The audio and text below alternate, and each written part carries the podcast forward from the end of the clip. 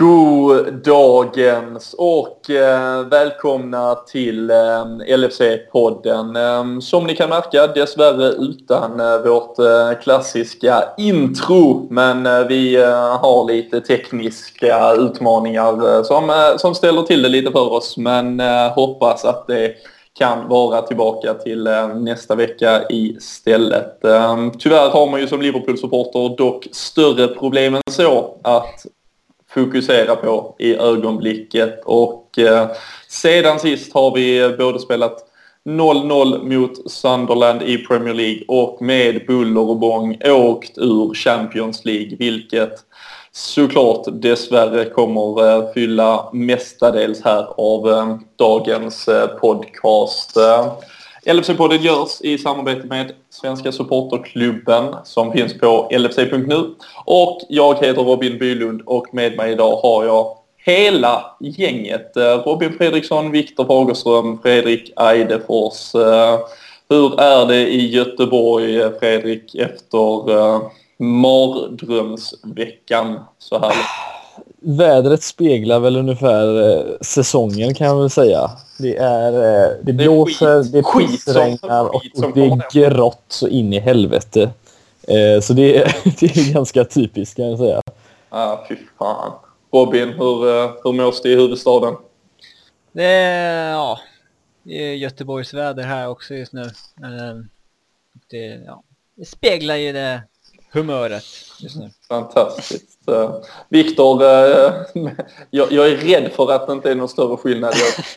eller har ni, eller har ni... Vi kom ju faktiskt in på vädret här och då kan jag ju stoltsera med att i Örebro har vi ju lite sol idag. Oj, men det, solen skiner ju idag ja, men imorgon vet man aldrig. På sann Örebro-manér. Ja. Men har inte sett solen på en månad. Nej, det är ytterst sällan.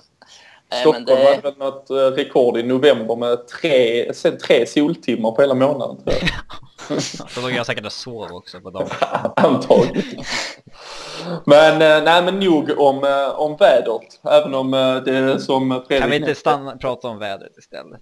Alltså lite. Det, det som, som, som Fredrik nämnde så är det ungefär lika grått och trist som, som Liverpool just nu. Så, så någon liknelse finns där väl. Men... Vi hade ju trots allt allt i egna händer. Eh, även om en eh, Champions League-säsong som hittills varit under all kritik där vi endast skrapat ihop fyra poäng på eh, fem matcher där vi hade mött Ludogorets två gånger om, Basel en gång och kanske egentligen inte ens förtjänade att ha chansen att gå vidare, men vi hade den trots allt och vi hade den i en hemmamatch mot just Basel och, och ändå så gick det inte vägen. Eh, många eh, ryckte nog till rätt rejält på ögonbrynen när eh, laguppställningen kom. Vi återigen ingen extra anfallare på bänken. Viktor, när du fick se att det var en backlinje med Glenn, eh, Glenn Johnson, José Enrique, ingen Touré, dock på grund av skada eller sjukdom här. Och fyra centrala mittfältare, ingen direkt kreativitet, ingen anfallare på bänken. Eh, började vi fel redan där? Alltså, jag kan ju säga att jag förstår väl hur Rogers idé och tankar om hur han går in för matchen. Det är väl lite som vi vi gjorde det efter de där raka förlusterna och gå tillbaka till lite mer mindre kreativitet och lite mer power och förhoppningsvis inställning och täppa igen så gott det går och sen få in lite mer kreativitet och göra det där en, enda målet som i så fall behövdes. Men eh, så även om jag förstår hur han tänker så vet jag inte om jag håller med riktigt att, eh, alltså att det är den approachen vi ska gå in i en sån här viktig match med. Det, det, är ju tragiskt att se hur, alltså att det är så många spelare som har varit med så länge i Liverpool och som har behövt bytas ut så länge som, som ändå får starta den viktigaste matchen på säsongen. Det var faktiskt så att det var lika många, om jag fattar rätt, lika många Rodgers-spelare som Benitez-spelare på planen i denna matchen. Det var åtminstone endast fyra av elva spelare trots att Brendan Rodgers alltså har tränat Liverpool i två och ett halvt år nu haft en eh, fem transferfönster på sig att eh, förstärka laget ordentligt. Men eh, när hans viktigaste match i sin tränarkarriär väl går av stapeln så, så har han egentligen inte mycket, haft mycket egen påverkan på det där laget vi kan väl stanna lite vid det, men eh, fortsätta ändå vid laguttagningen generellt. Vad, vad var din största besvikelse, Fredrik? Eller vad, vad var dina tankar när du såg det? Det var framför allt hur statiskt mittfält som ställdes upp på planen. För att, eh, som Victor säger, jag kan förstå att han kanske hade velat köra lite mer. Han vill inte chansa för mycket för att skulle vi chansa för mycket och åka på det så, så kommer man ju få höra det också. Så att vad han än gjorde så var det ju liksom inget, ingen lätt sak att göra. Men vi var ju tvungna att vinna. Så att, att inte ha Coutinho, Lalana, eh, Markovic, att inte ens ha någon anfallare på bänken, det, det är skrämmande dåligt faktiskt. Mm. Robin, eh, vilken del av uttagningen fick dig att eh, höja mest på ögonbrynen. Det var ju både mycket frågetecken kring att man valde ytterbackar som man gjorde, att man valde både Joe Allen och Lucas Leiva tillsammans. Vad, var det, vad blev mest kostsamt för oss eh, utifrån den elvan han ställde på planen? Alltså jag tycker väl i stort sett allt var ju så... Det där är den, det där är den sämsta backlinjen vi kan form, formera med om vi har hela A-truppen frisk, i mitt tycke. Eh, och, och sen ställa fram fyra i grunden innermittfältare framför dem. Stirling den enda som står för någon kreativitet, han är utknuffad på en kant och sen Lambert som enda anfallare som, alltså han kan ju inte knappt röra sig karln. Och, eh, alltså han i halvtid, när man kollade på bänken så ville man egentligen byta in alla sex utespelare mot någon i startelvan. Man ville få in Saku, man ville få in Moreno, man ville få in Chan, man ville få in Lallana, man ville få in Coutinho, man ville få in Markovic. Och alltså, så fel har nog aldrig en laguttagning gått under Rodgers eh, eh, era här tidigare. Så att liksom egentligen alla från bänken skulle man vilja ha in mot någon i startelvan. Det... Nej, och det värsta egentligen det är ju att alltså, alla de här som man då ändå förknippar med lite form av eh, fart, flärd, lite finess, lite kreativitet. Eh, de här spelarna som vi sitter och kanske då skriker om. Det, det är ju faktiskt de här spelarna som har kommit in under Rodgers och ändå så spelas det verkligen det här gamla, trista, statiska... Eh, alltså, vad... Eh, jag tycker att det är så märkligt för att han... Just till exempel Adam Lallana. Han tog sig... Han var ju den största värvningen vi gjorde i somras. Vår prime target sommaren när vi är nått Champions League. Det är han som ska vara den stora värvningen. Han... man vet, själv kände jag typ Nej men han är väl typ bara en truppspelare men okej okay, men vill de lägga så mycket pengar på honom och ta hit honom så gör honom till en startspelare så ja, bevisa mig, bevisa mig fel men de använder ju honom inte ens som mer än en truppspelare så att eh, ja, och igår, det är liksom det är Rogers största värvning sedan han kom hit och så eller inte igår utan förrgår blir det men eh, och så spelar han inte Nej, han byts inte ens in. Nej, han byts inte ens in. Eh, för att för att laguttagningen från början var så jävla fel förstås. Så att vi hade bara ett byte kvar att göra när det var Coutinho eller Lallana. Det är som du säger, man vill ju byta in hela bänken i halvlek. Nästan målvakt också, även om jag tyckte ja. Emilia var väl okej. Okay, men... Ja.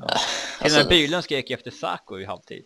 Ja, mm. då hade man ja, sett en, allt. En, en, tre, en trebackslinje kändes ju som den, alltså, men det var ju just av den anledningen att man ville byta så mycket så man fick försöka liksom, hur fick vi in så mycket som möjligt på bara tre byten? För man har ju tyvärr bara det i fotbollen. Men, men att behålla spelare som Glenn Johnson och José Enrique, Joe Allen, alltså Joe Allen, han har jag inte många ord kvar för. Alltså, han, oj vad jag tycker han är dålig. Alltså, och hur kan man spela Joe Allen, Lukas Leva i en match där de måste gå framåt? De står och håller handen i mittcirkeln fram till 80 minuten i stort sett. Alltså det, jag, tyck, jag tycker Rodgers, jag tycker han gjorde så mycket fel. Jag är så besviken. Jag tycker det är så lite... Alltså det, det, det var så, det var så... Vi försökte... Det hade varit en sak om vi gick ut med flaggan i topp. Om vi försökte vinna det här, blev straffade av en kontring i 90 minuten när vi stod och bara pusha och pusha och pusha. Men i första halvlek, första 45, så kommer vi alltså inte ens in i stort sett på Basels planhalva. För vi spelar med stillastående spelare som inte kan ta sig ur en press. Vi går inte själv upp med någon press så Basel kan själv komma in i lugn och ro på vår planhalva.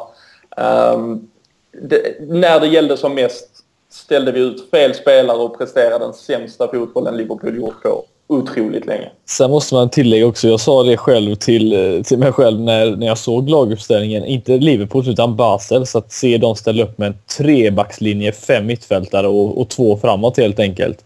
Att, eh, jag hörde att kommentatorerna var chockade, men det är ju egentligen det absolut smartaste du kan göra mot Liverpool idag. Det är att ställa upp så mycket offensiva spelare emot och pressa högt upp, för vi kommer inte komma någonstans. Det går inte. Eh, så det var ju eh, liksom att, att inte heller kunnat förutse det att, att det har sett ut så hela tiden. Det är också återigen ett stort taktiskt fel. Så att, eh, det var inte mycket som stämde på förhand heller om jag ska vara helt ärlig. Inte vad jag kände i alla fall. Jag har aldrig sett det här Liverpool-laget.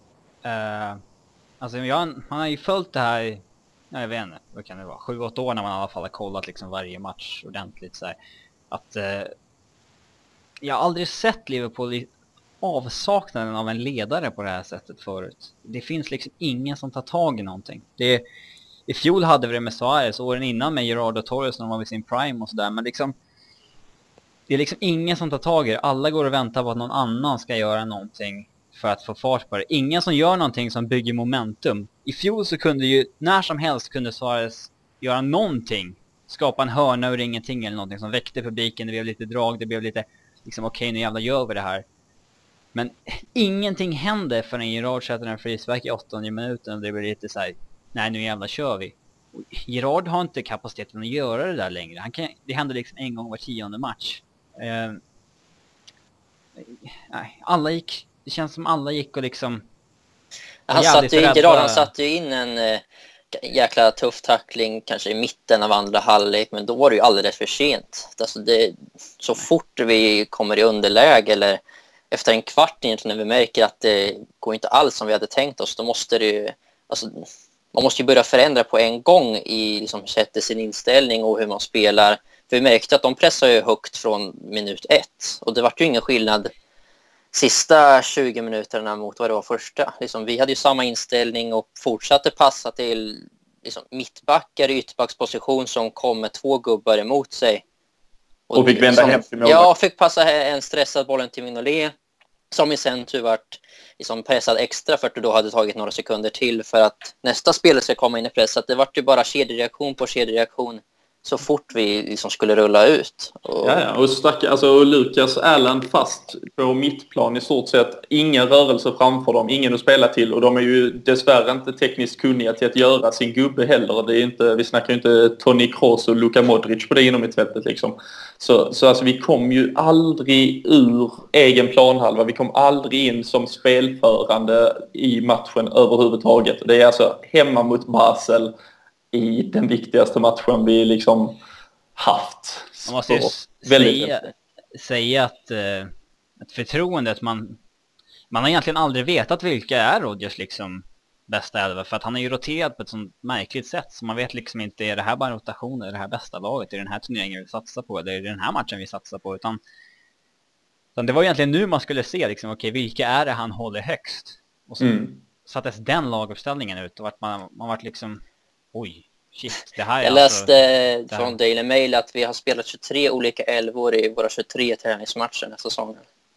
Mm. Aldrig har vi spelat samma startelva.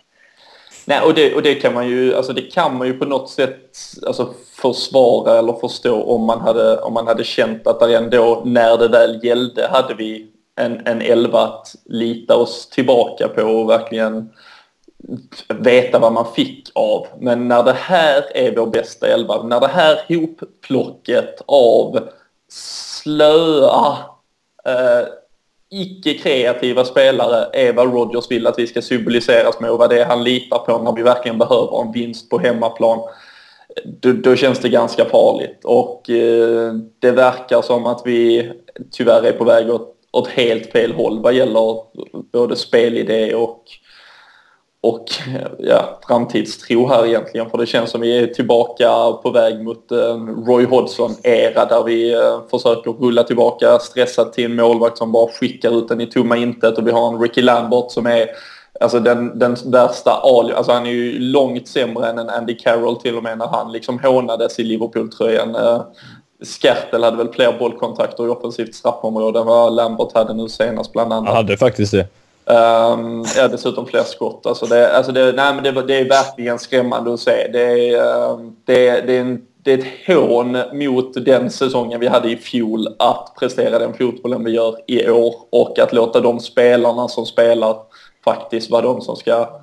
Att det är de vi ger förtroendet när det betyder så här mycket. Jag fick ju höra det. Eh, det känns alltså. som han har, att Rodgers liksom, han, han har tappat greppet helt om hela klubben känns det som. Att liksom, vart är vi på väg? Vilken fotboll ska vi spela? Vilka, vilka spelartyper är det vi vill förespråka? Utan allt liksom, det finns ingen linje i någonting just nu, utan det är liksom panic mode från Rodgers och hela klubben tyvärr. Och det, nej, det känns inte, mm. känns inte bra.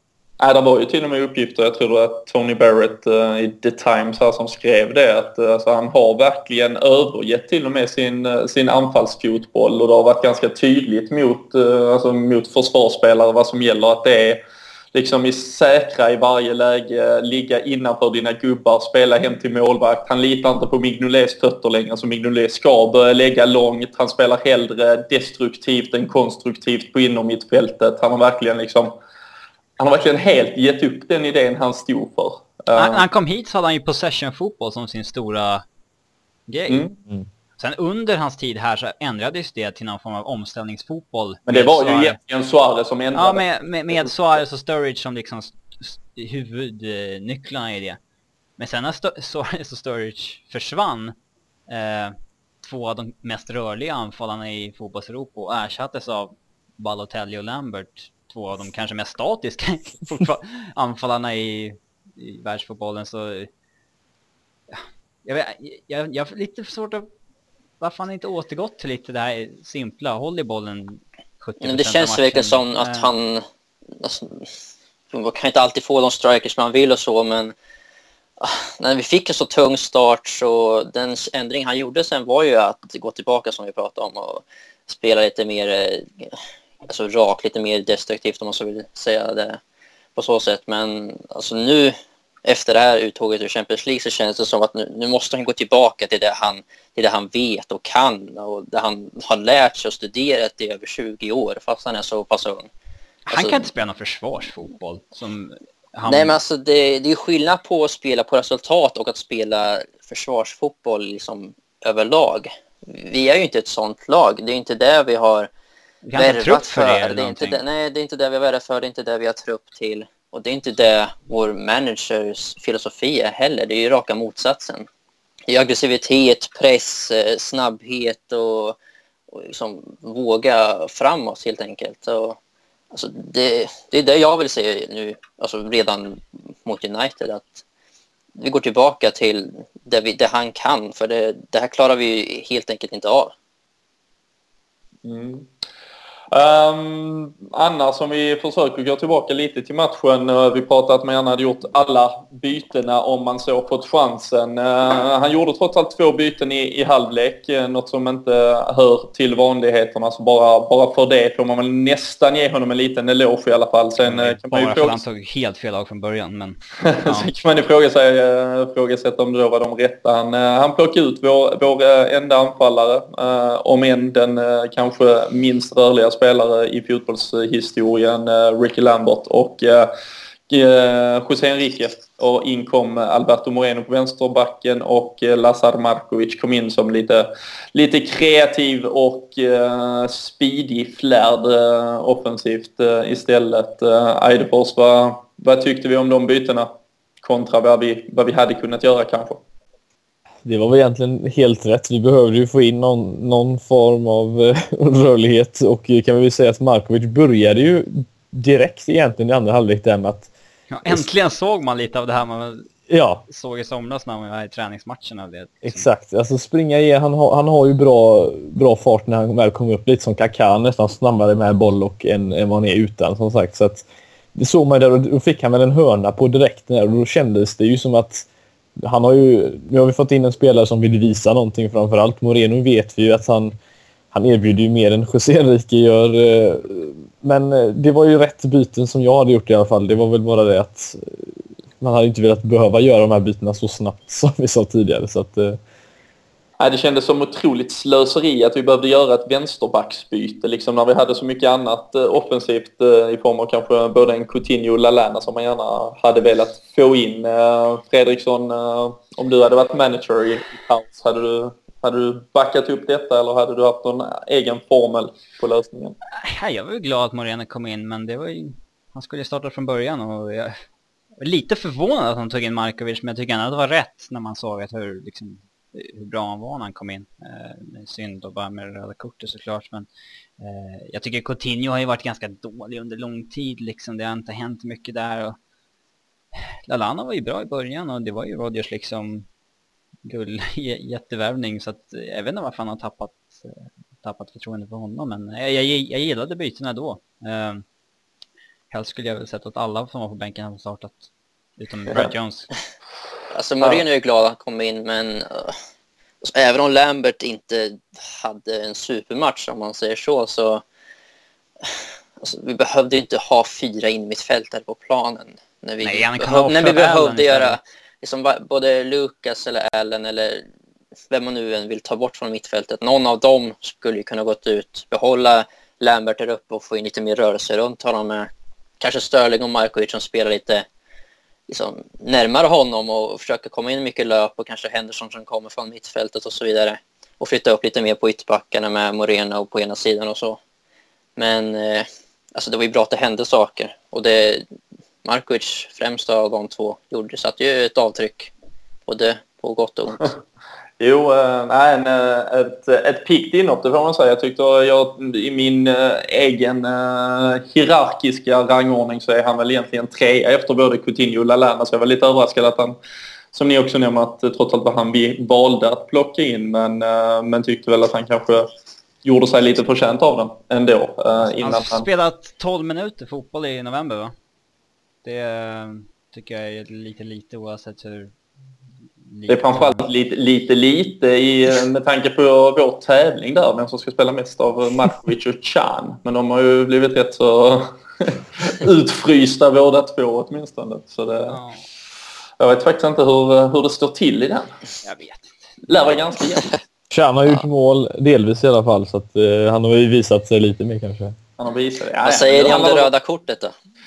Jag, jag försökte hålla oss ifrån det för det kändes som att vi nästan inte mm. skulle nämna det. Vi jag tycker att vi måste nämna det. Vi kan det väl Det hade ju... Jag tyckte inte ytterst... att det var... Alltså jag, tycker, jag tycker inte heller att man kan skylla på honom. För jag tycker inte att det är... Jag tycker inte att det är... Att han liksom försöker... Jag tycker, inte han, jag tycker inte att han försöker slå Safari på något sätt. Utan det är liksom precis som man agerar i sådana där dueller när man har någon som jagar en, att man sträcker ut en arm och försöker trycka bak den personen. Jag vet inte, han kanske tror att Safari är 20 cm närmare honom än vad han är och därför når han liksom... Att han kanske är två meter närmare i så fall möjligen och ska gå ut och spärra. Alltså det här blir han liksom slår ju först ut armen en gång, sen känner liksom ingen och fortsätter i stort sett. Man kollar ju bakåt också, det tycker jag är konstigt. Liksom han kollar bakåt och sen går det max en sekund senare så sätter han ut handen liksom i ansiktshöjd mot en spelare som ja, inte är längre än honom i alla fall. Alltså, det är olyckligt. Jag kan inte alls se att det var meningen på något sätt men alltså, det är ändå farligt spel och alltså, det, är som en, det är en ganska bra sving han får till ändå. Det är inte bara att han drar ut armen lite grann och så känner efter utan... Är det inte så att typ nageln träffar mitt i ögat. Så jag har lite svårt att se att Safaris agerande att han ska ligga i två minuter för det där. Men... Nej, men eh, han sa att han började blöda i munnen. Jag trodde att det var ögat det gällde. men... skulle han kunna börja blöda i munnen? Fråga mig inte. Men jag, jag, alltså... Vissa vinklar så det ju, var ju svårt att bekräfta om det ens var kontakt mellan dem.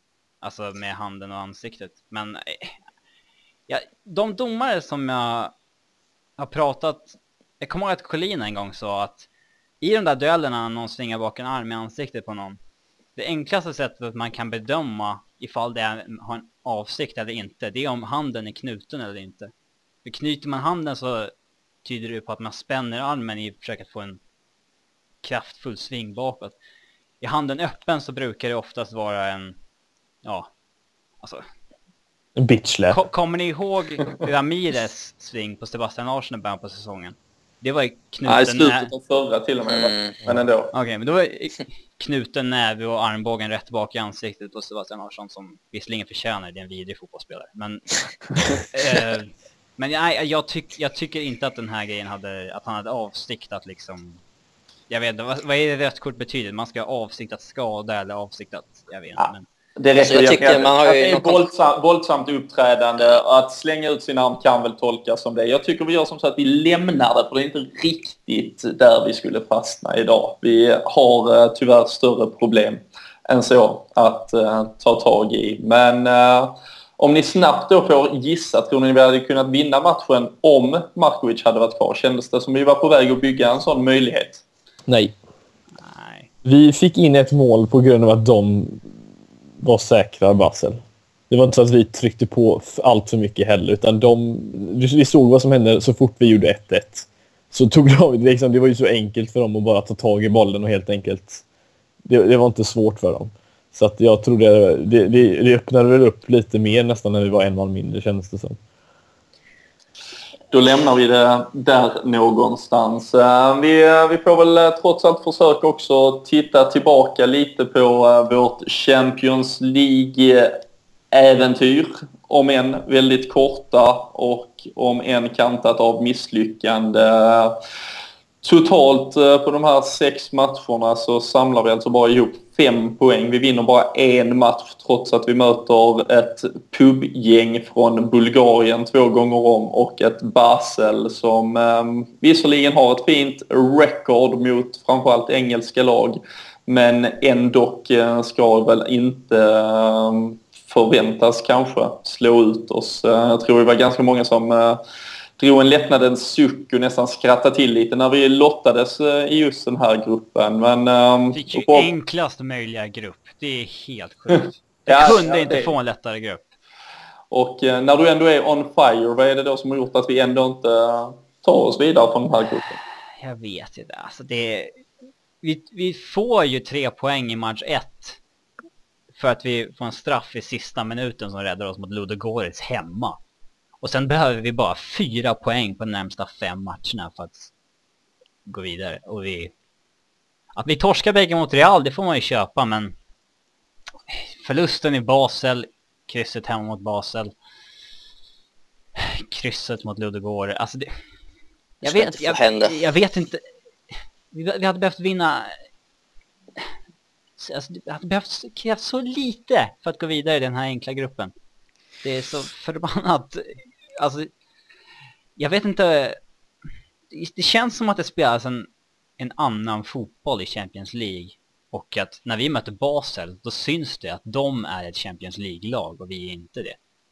Att, det är ju hur tragiskt som helst mm. i sig. Men de har erfarenhet av den här turneringen och vi hade det inte. Men Man kan väl ju... kort sagt säga att Champions League kom ju inte för tidigt för Liverpool som klubb egentligen, för det har vi väntat på. Men för Rodgers och hans, hans polare på bänken kändes det som att det kom på tok för snabbt. Att nästan var att vi skulle, den här andra säsongen som var förra året skulle ha kommit ja, kanske om två år istället när vi har byggt upp någonting eller möjligtvis. Men det känns som det kom på tok för snabbt för honom för han var inte förberedd på det här. Att möta då ett, som du sa, ett pubgäng två gånger om och få med sig en vinst därifrån. Det är ju Ja. Men det är ju, jag vet ju, jag var ute och, och flaggade kring det. Jag, jag är ganska, alltså han, jag tycker inte han är tillräckligt taktiskt kunnig för att liksom anpassa sig eh, så här match för match som man trots allt på ett helt annat sätt måste göra i de här sammanhangen. Man måste se lite till poängfördelning och lite vad som är värt att gå efter och inte gå efter. Att, liksom att inte få ett kryss med sig från Basel, att inte säkra en vinst mot Ludogorets. Alltså, du får inte göra det på den här nivån. Alltså det är så otroligt illa. Hade vi nu, alltså nu går vi in i ett Europa League-äventyr där vi ska spela dubbelmöten mot tillräckligt dugliga lag. Alltså ser vi på Basel, om vi tittar över dubbelmötet, ja men då hade vi åkt ut mot dem. Vi förlorar borta och spelar bara lika hemma. Du måste åka och spela lika borta och sen får du se till att vinna din hemmamatch. Mm. Och att inte ens lyckas med det när du får så här otroligt lätt chans Det tyder på att det är jättemycket taktiskt kunnande som tyvärr inte finns där just nu hos Rodgers. Den alltså, frågan lyfte vi ju innan i gruppspelet också, att det här med just Champions League-tänket finns det hos Rodgers. För den där, den där taktiken, alltså om vi nu, det, ganska, det, finns ju en möjlighet att vi får Napoli och Benitez i, i uh, slutspelet uh, i Europa League. Jag tror att Rodgers skulle ju rent taktiskt få brallorna neddragna rätt hårt av Benitez i en sån duell. Uh, och det, det, är just de här grejerna där vi där det är jäkligt viktigt eh, ha det kunnandet som han inte verkar ha riktigt. Nej.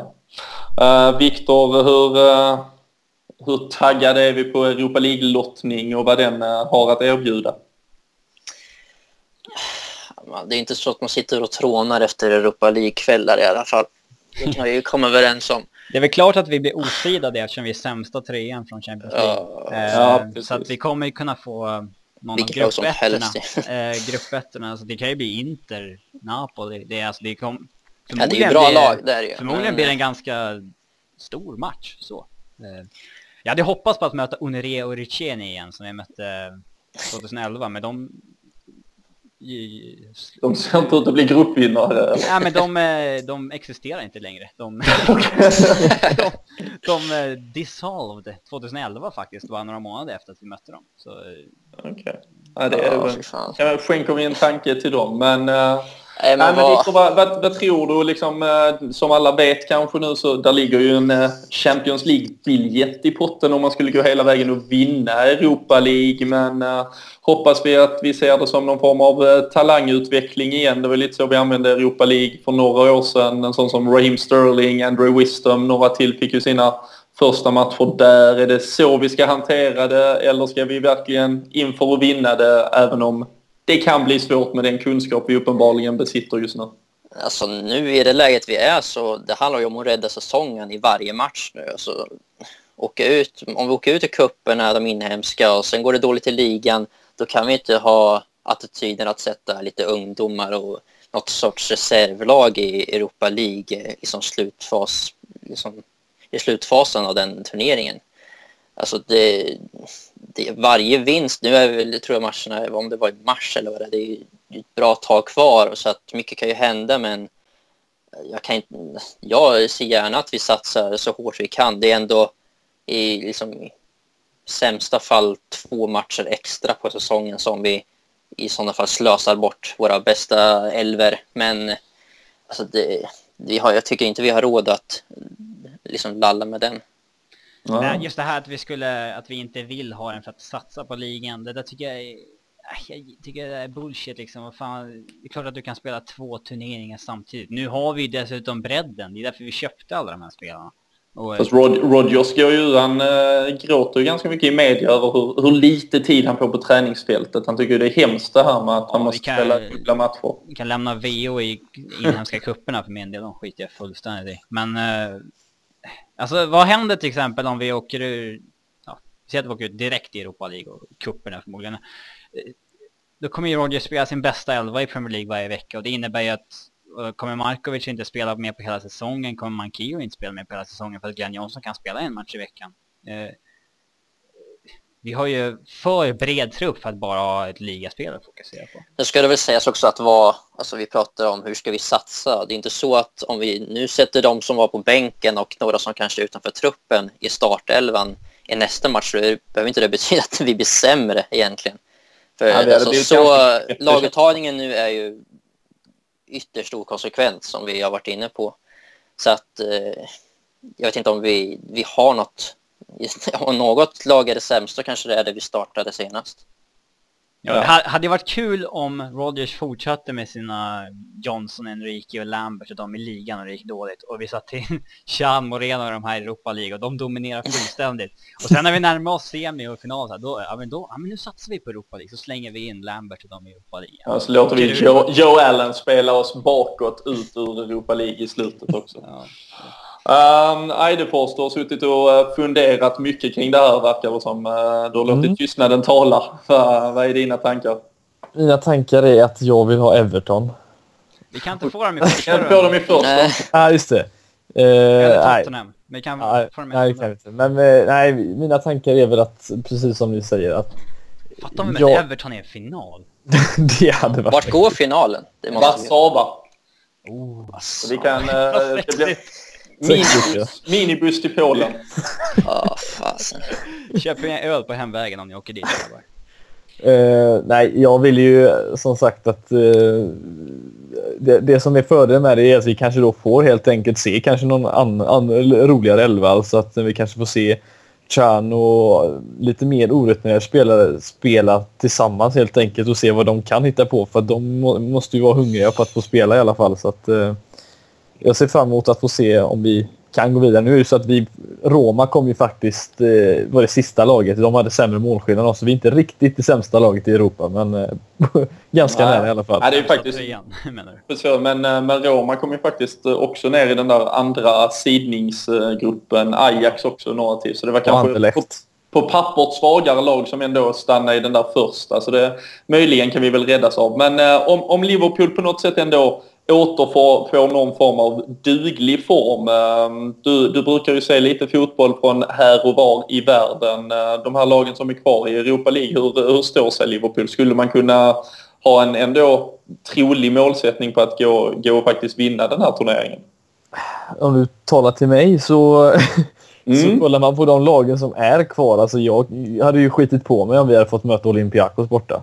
Det är ju för att våra spelare, spelare pallar inte trycket. Eh, kolla, det är ganska bra lag alltså, som är eh, med, om inte bättre skulle jag säga, till exempel än Basel om man skulle vara mm. taskiga mot dem så sätt. Så att, tar du lag som, nu kanske inte Inter just nu i jätteform, men att möta Inter, Fiorentina, eh, Besiktas, Napoli, det, det är inga dåliga lag alltså att möta. Eh, och de hade vi haft problem med, det kan jag det hade varit fint att möta Salzburg som vann sin grupp med 13 poäng som Malmö slog ut och så åker vi ut mot dem i första utspelsmatchen. vi kan ju ja. få, eh, vad kan ju, både Ålborg är väl kvar, Köpenhamn är väl kvar. Om det vill, alltså till slut om de går vidare eller något så här. Det, det kan ju bli några roliga matcher i alla fall. Alltså, ja. Ja. Det avslutas eh, ikväll, eh, avslutas ju grupperna torsdag kväll här och så eh, lottas det på måndag klockan ett. Så vi får väl, eh, vi får väl chans att eh, i nästa podd eh, återkomma till eh, vad den där Europa League-påsen till slut innehåller. 19 och 26 februari är det till och med vi spelar och vi kommer att börja på hemmaplan, avsluta borta just på grund av det här med att vi blev lite sämre sidat. Annars brukar det ju vara en fördel att avsluta hemma på Anfield Anfield. Även om det där eh, magiska Anfield inte levde upp till några större förväntningar när det behövdes som mest mot eh, Basel. Eh. Otippat. Kan ju bara jo, säga att Köpenhamn är ute men vi kan faktiskt möta Ålborg om vi har tur. Då kanske vi alla fyra kan åka och ha en podcast i, i Danmark istället. Kan ni komma, komma ner till mig i Skåne och så tar vi tåget till Ålborg. Det blir en trevlig dagsutflykt. Det lovar jag er om, om så blir fallet. Men eh, för att eh, kanske packa ihop eh, Champions League och Europa League för stunden och blicka våra, ja helt enkelt sätta färd mot vad som kommer till helgen istället. För det är ju nästan tyvärr, håller jag på att säga, en, en match som, som betyder så ännu mycket mer efter allt detta som nu varit. Vi möter alltså Manchester United som har fem raka vinster i bagaget. De håller på att bygga ett momentum alla det vi gjorde i våras där man liksom bara vann och vann och vann fast att man inte spelar bra mot Southampton knappt så löste man det och man behöver göra 14 ändringar i laget och man hakar sig fram på något sätt. Har fått in ett riktigt go i truppen igen. Ehm, och eh, nu ska vi till Old Trafford eh, och eh, det känns inte så kul. Eller vad säger Viktor Holgersson? Det är väl inte den matchen man hade önskat sig direkt efter ett Champions League-uttåg. Speciellt inte på bortaplan. Alltså, de är ju sju poäng före oss och skillnaden mellan tio och fyra poäng, liksom om det blir vinst eller förlust i den, alltså, det är ju mycket. Alltså vi vill ju inte tappa för mycket liksom, mark på dem. Det är väl vår huvudkonkurrent egentligen för en topp fyra placering om vi fortfarande ska nå det. Så att eh, eh, det, det, alltså de kommer med fem raka som du säger och vi är inne i en rejäl slump. Men ja, antingen är det sämsta möjliga eller så är det bästa tänkbara för en vändning. Men mm. det är inte mycket som talar för det. Robin, eh, hur, hur, hur rädda ska vi vara för att uh, det tyvärr blir ett uh, fiasko kontra att det här skulle vara någon form av vändpunkt på säsongen? Ja, alltså det är ju en match där egentligen prestationen inte kommer uh, spela någon roll så här, i efterhand utan det kommer vara, vinner vi den här så kommer det bli en oerhörd liksom, det, vi kommer få ett momentum och kunna bygga vidare på det och om vi förlorar den här så kommer det ju bli uh, ja, en förlust mot United och falla ner till kanske en tionde plats i tabellen. Det hade ju... Nej, det, den här matchen tror jag kommer att ha en ruskigt stor avgörande effekt på fram... fram. Mm, alltså, vi ska ju säga, de ligger ju på fem raka vinster men fasen, de spelar ju inte bra alltså. Det är ju...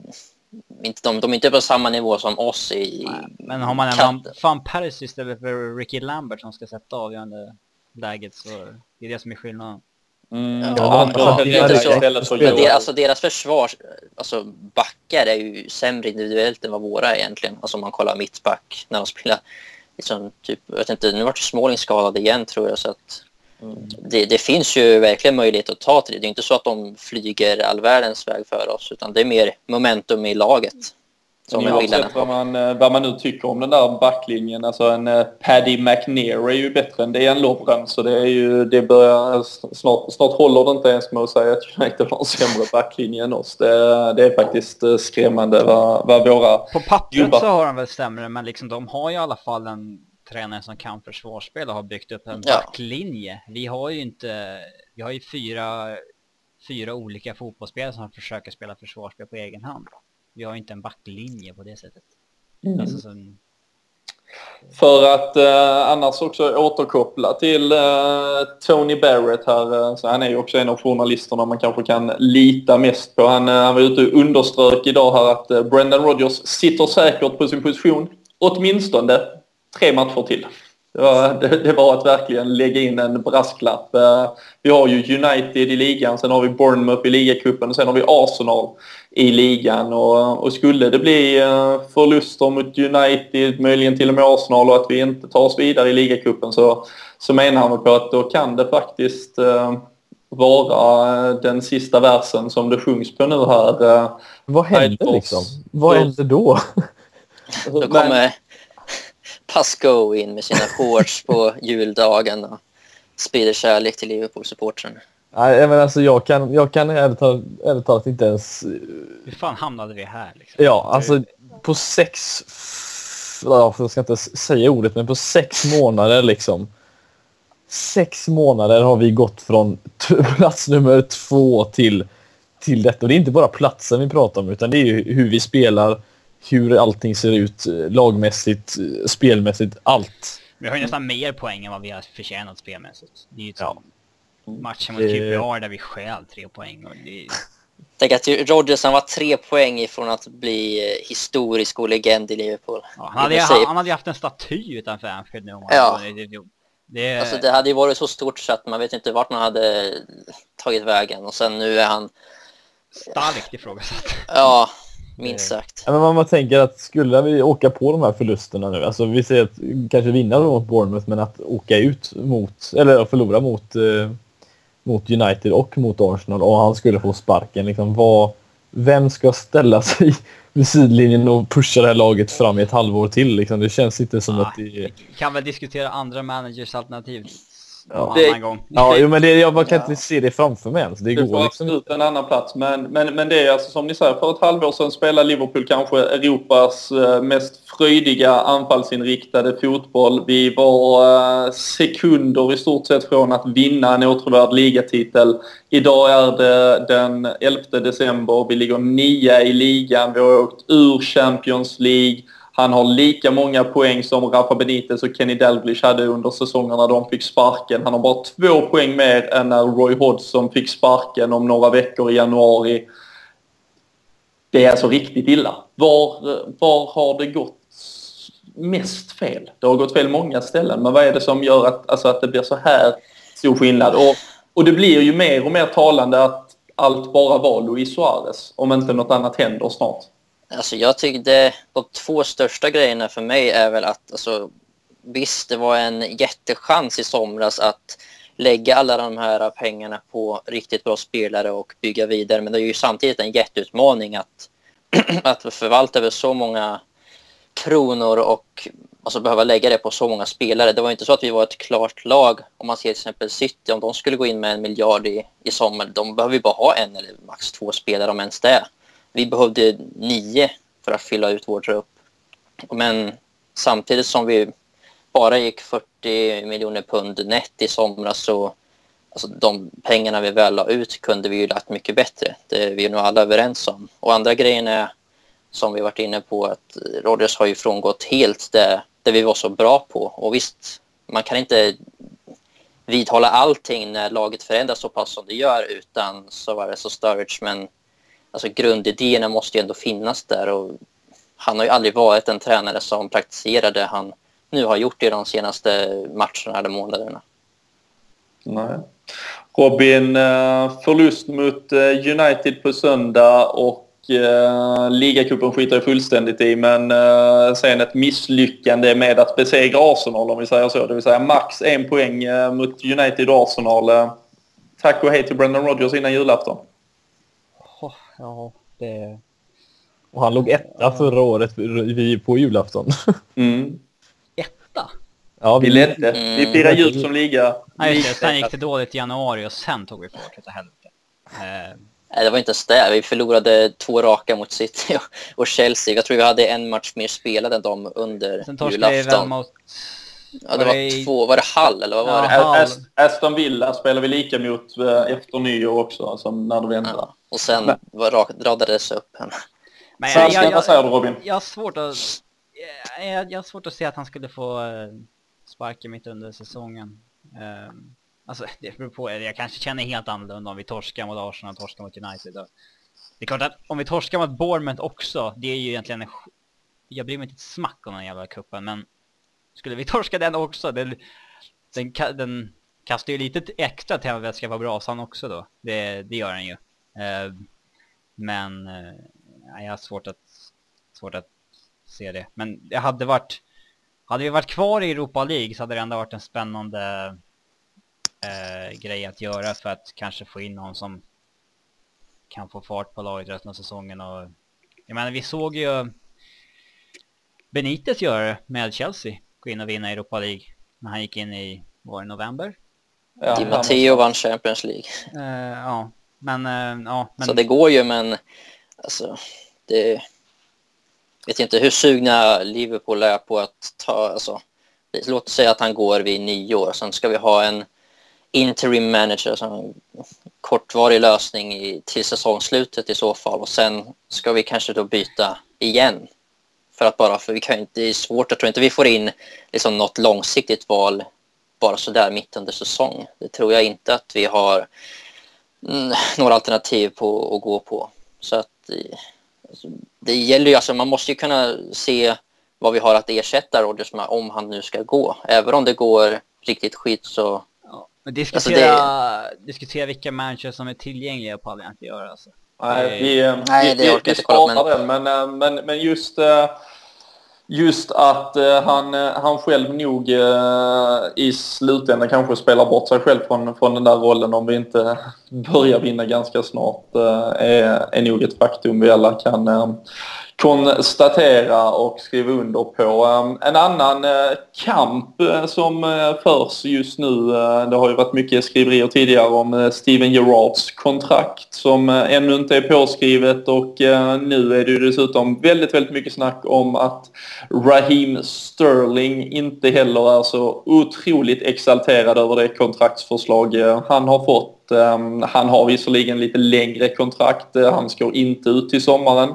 Men man vill såklart eh, säkra honom för eh, en väldigt lång framtid med det han har bjudit på så här långt. Fyllde 20 i måndags och enligt uppgifter så, så ligger det nu ett kontraktsförslag på 70 000 pund i veckan. Ett långt sex eller till och med sju års kontrakt snackas det om för Sterling och det ställer han sig lite frågande till. Han eh, är väl lite tveksam till om eh, Liverpool eh, som det styrs just nu, idag i alla fall, är det rätta för honom och hans utveckling.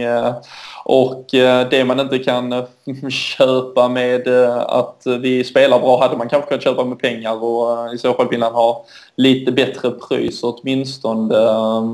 Eidefors, eh, vad tycker du här? Är, är, är, Sterling en tramsig liten bebis som eh, bölar över pengar redan nu eller eh, är klubben lite tramsiga som inte erbjuder honom ett riktigt, riktigt maffigt kontrakt när han trots allt har varit vår kanske bästa spelare utöver Luis Suarez det senaste året? Ja, jag kan ju, kan ju tycka att han har blivit en valpig liten fjant sen Suarez lämnade i princip, men det är klart att alltså, 100 000 pund i veckan för en kille som precis fyllt 20 som, om vi skulle säga så här, skulle han lämna och gå till, ja, det vill säga Real Madrid, han är ju inte så bra än så att han kan gå in i ett sånt lag så att han kommer ju bara förstöra för sig själv i princip. Så att, han har inte ens lärt sig hålla en jämn nivå här. Nej, han, han kan inte skjuta med sin vänsterfot, han kan inte försvara. Alltså det finns mycket han inte kan göra än så att nej, han, Men, han är valpig och... Eh, det jag tänker är väl egentligen alltså om man, om man nu ska se det som att det är verkligen Störling som riktigt funderar över sina alternativ och inte bara agentsnack för att höja, höja hans penning i veckan. Utan, alltså det är väl hur, hur Liverpools framtid ser ut mot hur den ser ut i andra klubbar. Ska han förlänga här och sen stanna i två år till, säger vi. Inte, inte för att han måste, så hade skrivit på under julen och lämnade kommande sommar. Men eh, Alltså, vi, Liverpool de har ju slutat 6 7 de senaste fem åren och varit utan Champions League. Och han kan ju, alltså, byter han mot Real Madrid eller vad det nu kan bli i så fall. Visst, han kanske inte får starta på en gång men han kommer ju slåss om de största titlarna och spela med de bästa spelarna och tjäna dessutom riktigt bra. Så att det är väl det vi får se, att, eller tänka helt enkelt att folk, spelare är ju inte lojala idag. Alltså, och, det, och när vi säger Nej, lojala, jag har inte heller lojal? varit det. Nej, jag har inte heller varit det. Alltså, utan man får ju tänka på sin egen karriär. Det är ju faktiskt så att ja. det, det, är ju ingen Totti liksom, eller Gerard utan det är ju det är så det fungerar då. Så att jag... Men jag tror det kommer lösa sig. Jag har ja. inte börjat bli orolig än. Nej, nej ja, men samtidigt jag tycker det är två saker i det. Jag tycker ni, ni verkligen nämner eh, det ena här med att eh, de, de sista Gerardsen och Tottisarna, de är nog tyvärr födda och eh, man, man, man föds inte längre. Och ser man det på så sätt så Raheem Sterling är ju dessutom en, en London-påg som kom eh, i sina tidiga tonår till Liverpool och inte på något sätt någon born and raised. Och, eh, och har ju såklart eh, antagligen ambitioner att uppnå så mycket som möjligt av sin fotbollskarriär och om Liverpool går ner i en sån här tre, fyra, fem års period igen där vi ska bygga om och bygga rätt och spela den här tråkfotbollen så, så tror jag inte att det här på något sätt är ett bra ställe för, för hans utveckling och då, då är det ju kanske helt rätt att han, eh, att han tvekar kring det. Ehm, sen tycker jag samtidigt också det är väldigt märkligt av Liverpool om, det, om uppgifterna stämmer att han erbjuds 70 miljoner pund när när vi i somras liksom har signat en Adam Lallana som uppges sitta på 75 miljoner pund och klubben... Jävla stor lön det där. Och klubben, ja men klubben uppe, ja tusen. kan du sa miljoner både till Sterling och till Lallana? ja men då, då, då, förstod ni, då förstod ni hur upprörd det här gör mig. Men, ähm, nej, är han verkligen, alltså jag Nej, men, men vi, vi, inte, varför skulle han vara absolut... Ja, men vi har han... själv byggt upp det. Det är ju han vi alltid ska förlita oss på. Det är han som ska spela vecka in, vecka ut. Jag fattar inte varför han spelar vecka in, vecka ut. För han är ju inte mer jämn i sitt spel än vad Markovic eller Coutinho har varit. Han har väl knappt gjort något vettigt på två månader. Nej, men så länge vi behandlar honom så här, så det är det jag menar. Om klubben åtminstone, då får klubben i alla fall visa att han också är en rotationsspelare. Men de har ju verkligen höjt honom, alltså flera, han är ju flera hundra steg över Adam Lallana i i Brendan Rodgers bok. Då kan vi inte komma och erbjuda honom ett kontrakt som är sämre än Adam Lallanas kontrakt. Så om klubben i alla fall menar att de vill behålla honom får de för fan ge honom ett vettigt kontrakt.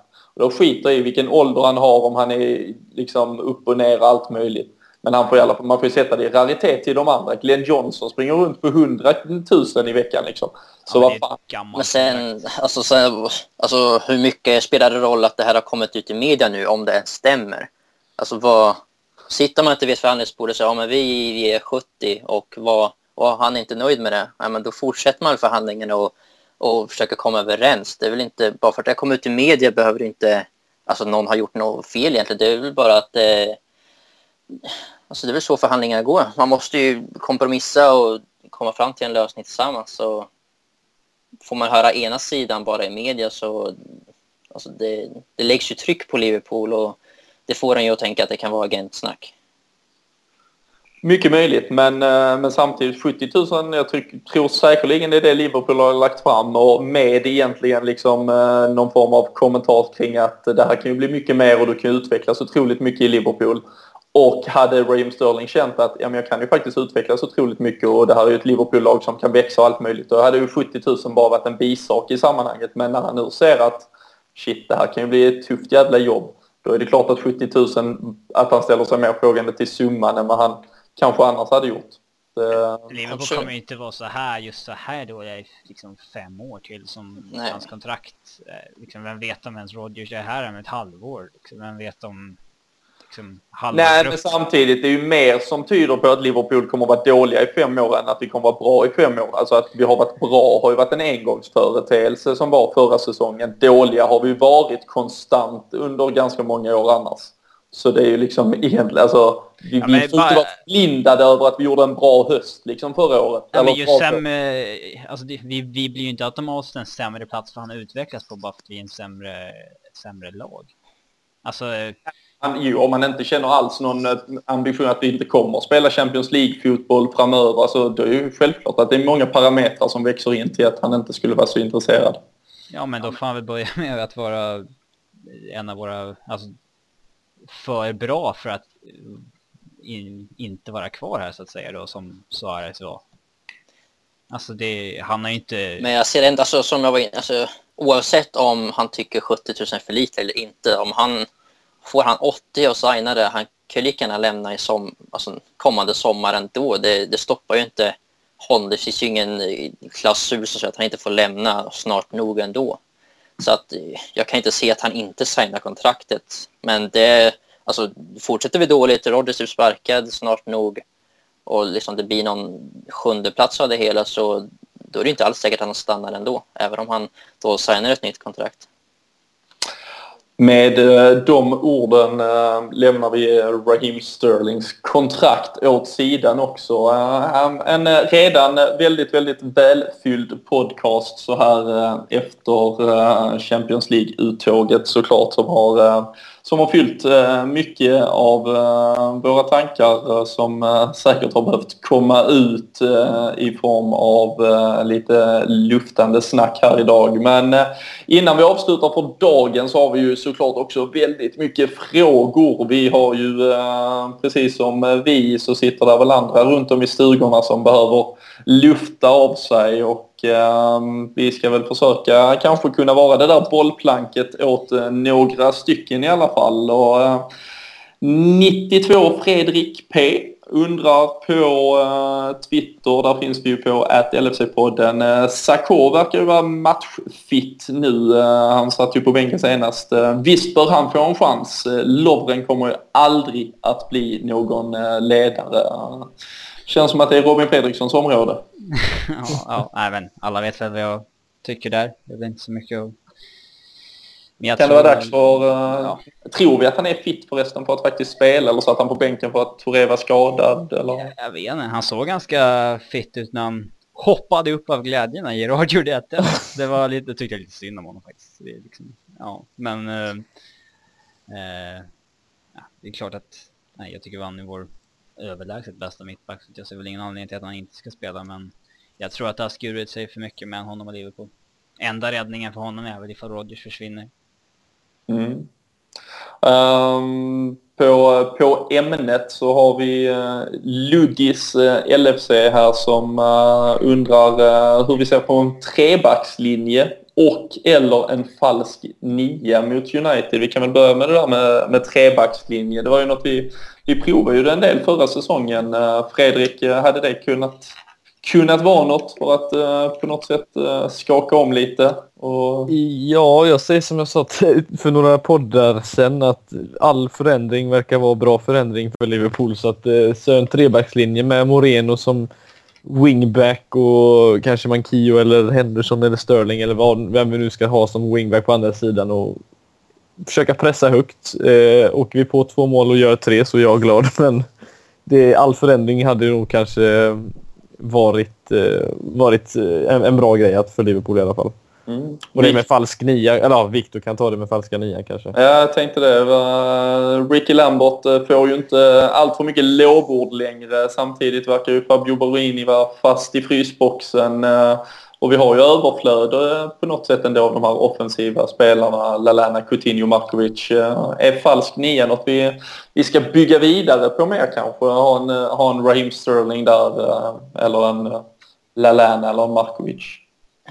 Ja, alltså, som Eidefors säger så förändring är ju något man välkomnar med öppna armar. Så en falsk nia mot United skulle inte vara, vara helt uh, otänkbart egentligen. Men jag vill ju helst ha flera spelare alltså, framåt. Som, alltså, ha en falsk nia för att kunna sätta ännu en mittfältare längre bak och kunna täppa till. Det, är ju inte, det klarar vi inte av helt enkelt. Så att, men alltså, något som förra säsongen så är det så någon hade väl den rollen mest egentligen att kunna liksom, styra sig mot kanter och länka ihop samman anfallsspelet och mittfält och så vidare.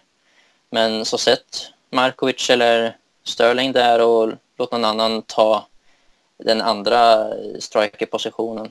Det, det skulle jag kunna tänka mig. Om vi säger så här, hellre Sterling som falsk nia än Lambert som falsk striker kanske vi kan eh, som falsk fotbollsspelare. Jävla lögn. Han är, har lurat oss allihop. Han spelar inte alls Han är en bluff. Han är en bluff. Det är fusk. Men, ambitionen måste väl vara att vi ska ha både Sturridge och Balotelli som anfallare när de väl är tillbaka någon gång. Men det... Eh, det, det, den som lever får se. Men, eh, men på, på ämnet så har vi faktiskt också fått en fråga här från uh, Skirun. Um, hur mycket bättre blev det egentligen att uh, Daniel Sturridge skulle plötsligt vara frisk och kry? Uh, vinner vi liksom ligan igen då eller vad, vad, ja. vad, vad Vi skapar mer målchanser i alla fall. vi kan, det är omöjligt att skapa mindre. Ja, nej, men alltså med honom så får vi rörligheter framme i alla fall. Det är ju det är inte så att vi skapar chanser men inte har den som kan sätta dem utan vi, vi skapar ju faktiskt ingenting. Det är helt rätt. Nej, vi har varken någon som skapar eller sätter dit dem och då är det ju inte lätt. Skertel var ju faktiskt nära med sitt eh, bombskott. Henderson. Ja, men det, han var ju värdelös. Värdelös? hade den varit en meter högre då hade den årets Om. mål. Ja, om. Nej, det var Ska vi börja med om Ramsey. igen? En Skulle omvänd Ramsey. om här nu ja. Ja, det är det vi lever på. Ja, det är faktiskt det. det, det är väl det. Eh, men eh, nej, där, eh, jag tror de flesta andra frågorna som har fyllt vårt Twitterflöde har bakats in och besvarats på något sätt här under podden. Annars får ni såklart skriva till oss igen och skälla på oss och så lyfter vi vidare frågan till, till nästa avsnitt om, om det skulle vara så. Men Manchester United på Old Trafford 14.30 eh, på söndag vill jag väl mena att det är. Jag hoppas jag inte sitter och ljuger. Men eh, Viktor Fagerström, vad tror du att den matchen slutar? 1-1. Robin Fredriksson. Eh, vi torskar 3-1. Och Fredrik Eidefors. 1-2. Vi vinner. Så ja! Oj! Fint Vi har slutat, ja de senaste mötena man kollade, det var med Ferguson i alla fall, då var det 2-1 som gällde ganska ofta hela tiden. Eh, eh, så att jag tror det är tillbaka till det nu, att 2-1 med Liverpool och Gerard gör straffmål. vi får ofta straff på Trafford faktiskt. Gerard har ju satt många straffar där. Så det... Mm, Hoppas de har kvar kameran i hörnet. Ja, han, och, och jag, jag hoppas Markovic spelar, det vill jag lägga till. Ja, vi, vi... Han får gärna sätta fingrar i ansiktet på Fellaini. Det får han jättegärna göra. Han når ju inte upp till hans Men det får han gärna göra ändå. Men eh, jag, jag får tyvärr eh, sluta stänga igen på det med ett eh, något mer negativt tipp här. Jag tror tyvärr vi förlorar med 2-0. Där finns inget som tyder på att vi på något sätt skulle kunna göra mål eller vinna en match eh, just nu. Så uh, tills jag är bevisad motsatsen så uh, tyvärr så står jag för pessimism och uh, den, den är jag ändå stolt över. Men eh, vi eh, tackar eh, med de orden för oss idag och eh, som sagt är ni inte medlemmar sedan tidigare så surfa in på lfc.nu och eh, signa upp er där. Eh, supporterklubben behöver er i dessa tuffa tider. Eh, tillsammans kan vi vara starka där i alla fall och eh, tills nästa gång så får ni ha det så bra helt enkelt. Eh, ta hand om er så hörs vi.